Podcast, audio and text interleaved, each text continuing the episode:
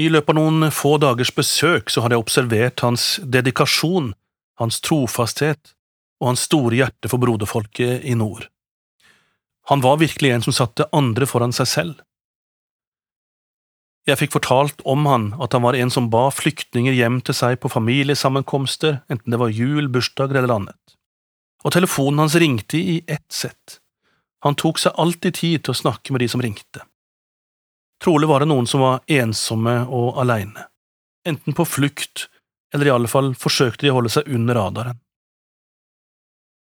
Da var det godt å kunne ringe til Sam for en prat. Jeg kaller han Sam, men egentlig har han et annet navn.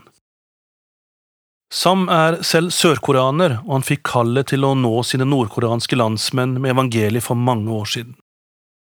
Han sto på grensa mellom sør og nord og opplevde en sterk nød for de som levde på den andre sida av grensa. De som var både i åndelig og fysisk fangenskap, holdt i jernhånd av et regime som kun aksepterer tilbedelse av landets øverste leder. Og Det ligner til forveksling veldig på situasjonen som Daniel og vennene hans var i i Daniels bok i Bibelen. Han som ble avkrevd tilbedelse av kongen, men som nekta fordi hans lojalitet til kongenes konge kom foran alt. Konsekvensen av å tilbe Gud, av å bekjenne den kristne tro i Nord-Korea i dag, er den samme som den gang. Selv om Kim Jong-un neppe har verken løvehule eller ildovn. Men livslange arbeidsleirer og tortur og henrettelser skjer også i verdens mest lukkede land i dag. Forbrytelsen kan være at man er i besittelse av en bibel, lytter til et kristent radioprogram eller deler troen om Jesus med noen. Til dette folket og til dette landet fikk Sam sitt misjonærkall. Særlig mer krevende kall tror jeg ikke det går an å få. Og Det er ikke mulig for han å komme inn i selve landet, men for noen år tilbake så begynte Sam og en annen kristen sørkoreaner i en helt spesiell misjonstjeneste retta mot nordkoreanske avhoppere eller flyktninger. De oppsøkte de nabolandene etter at de på ulike måter hadde klart å flykte ut av landet. Her hjalp det de med fysiske behov, med mat og praktiske ting. Flyktningene fikk møte noen som kunne språket deres, og som viste dem genuin og ekte omsorg. Etter hvert så fikk de også anledning til å dele evangeliet med flyktningene, forsiktig i første omgang, tålmodig. For mange var dette helt fremmed. Men så begynte det å bære frukt. Noen kom til tro, og ble satt i åndelig frihet på tross av de krevende omstendighetene på flukt i et naboland, i frykt for å bli sendt tilbake til de forferdelige forholdene i hjemlandet. Det ville ha medført arbeidsleir eller dødsstraff.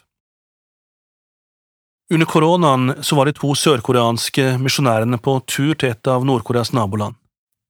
Her møtte de flere flyktninger, og særlig ett møte blei sterkt, og endte opp med at de fikk be frelsesbønnen med en flyktning som tok steget og tok imot Jesus. På vei hjem fra denne turen ble medmisjonæren til Sam akutt syk. Det viste seg å være alvorlig korona, og han døde før de kom hjem til Sør-Korea.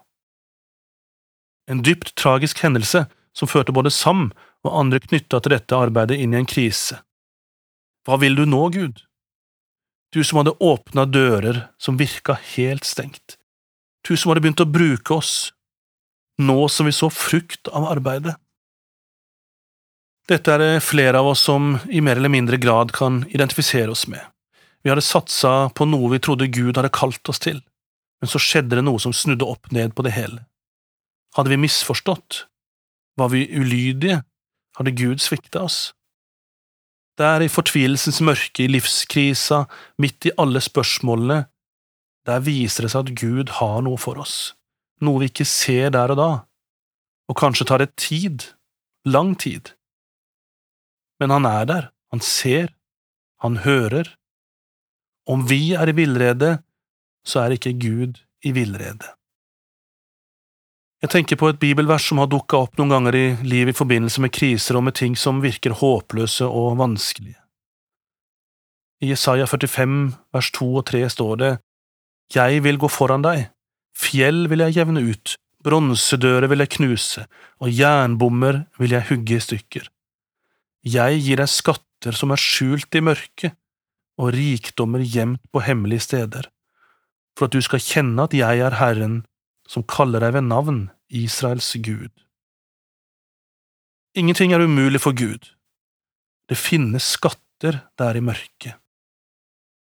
I arbeidet med denne andakten så måtte jeg lytte til en kjent engelsk lovsang som heter Waymaker, kjent både gjennom Michael Smith og gruppen Leland. Og der sier teksten blant annet You are here, moving in our midst.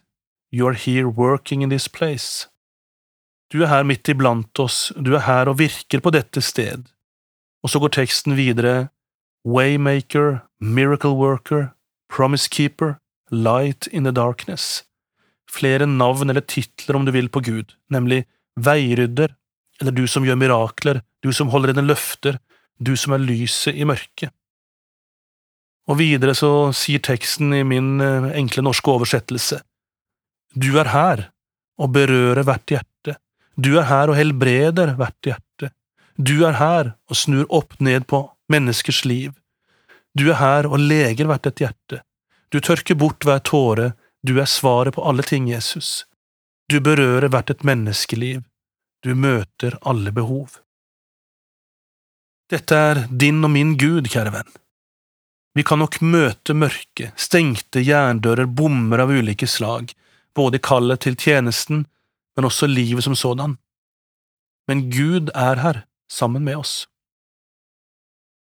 Tilbake til vår koreanske bror Sam. Hans sår over tapet av vennen er nok ikke leget, og savnet er fortsatt stort, og vi forstår det ikke.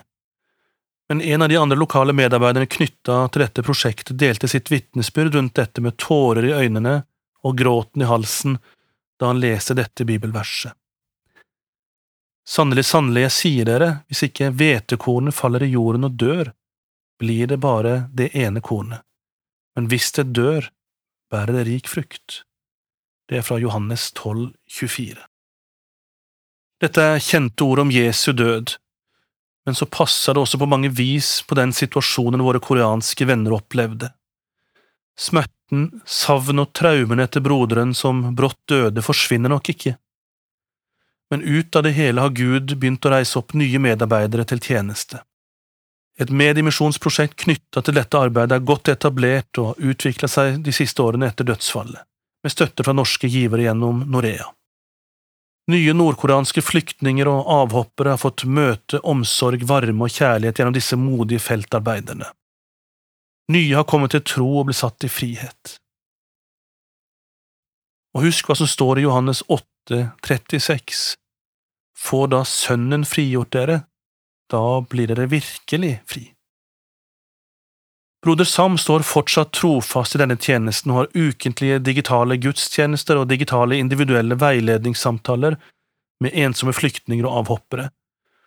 De må leve i skjul der de er på flukt i naboland men de kan koble seg til på de digitale møtene og kjenne på åndelig fellesskap og bli bedre kjent med Jesus gjennom undervisning.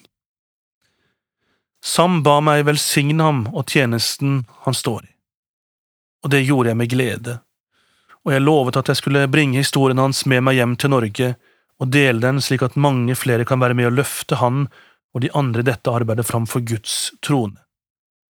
Han som gir oss skatter skjult i mørket. Amen. Du har akkurat hørt Jostein Zett holde en andakt i serien Over en åpen bibel. Denne serien produseres av Norea Medmisjon. Hver fredag formiddag så tilbyr vi forbønn. Ring oss på 38 14 50 20. 38 14 50 20 mellom klokka 09 og 11.30 på formiddagen. Eller du kan når som helst sende oss en melding via Facebook eller e-post. Bruk da adressen post at norea.no.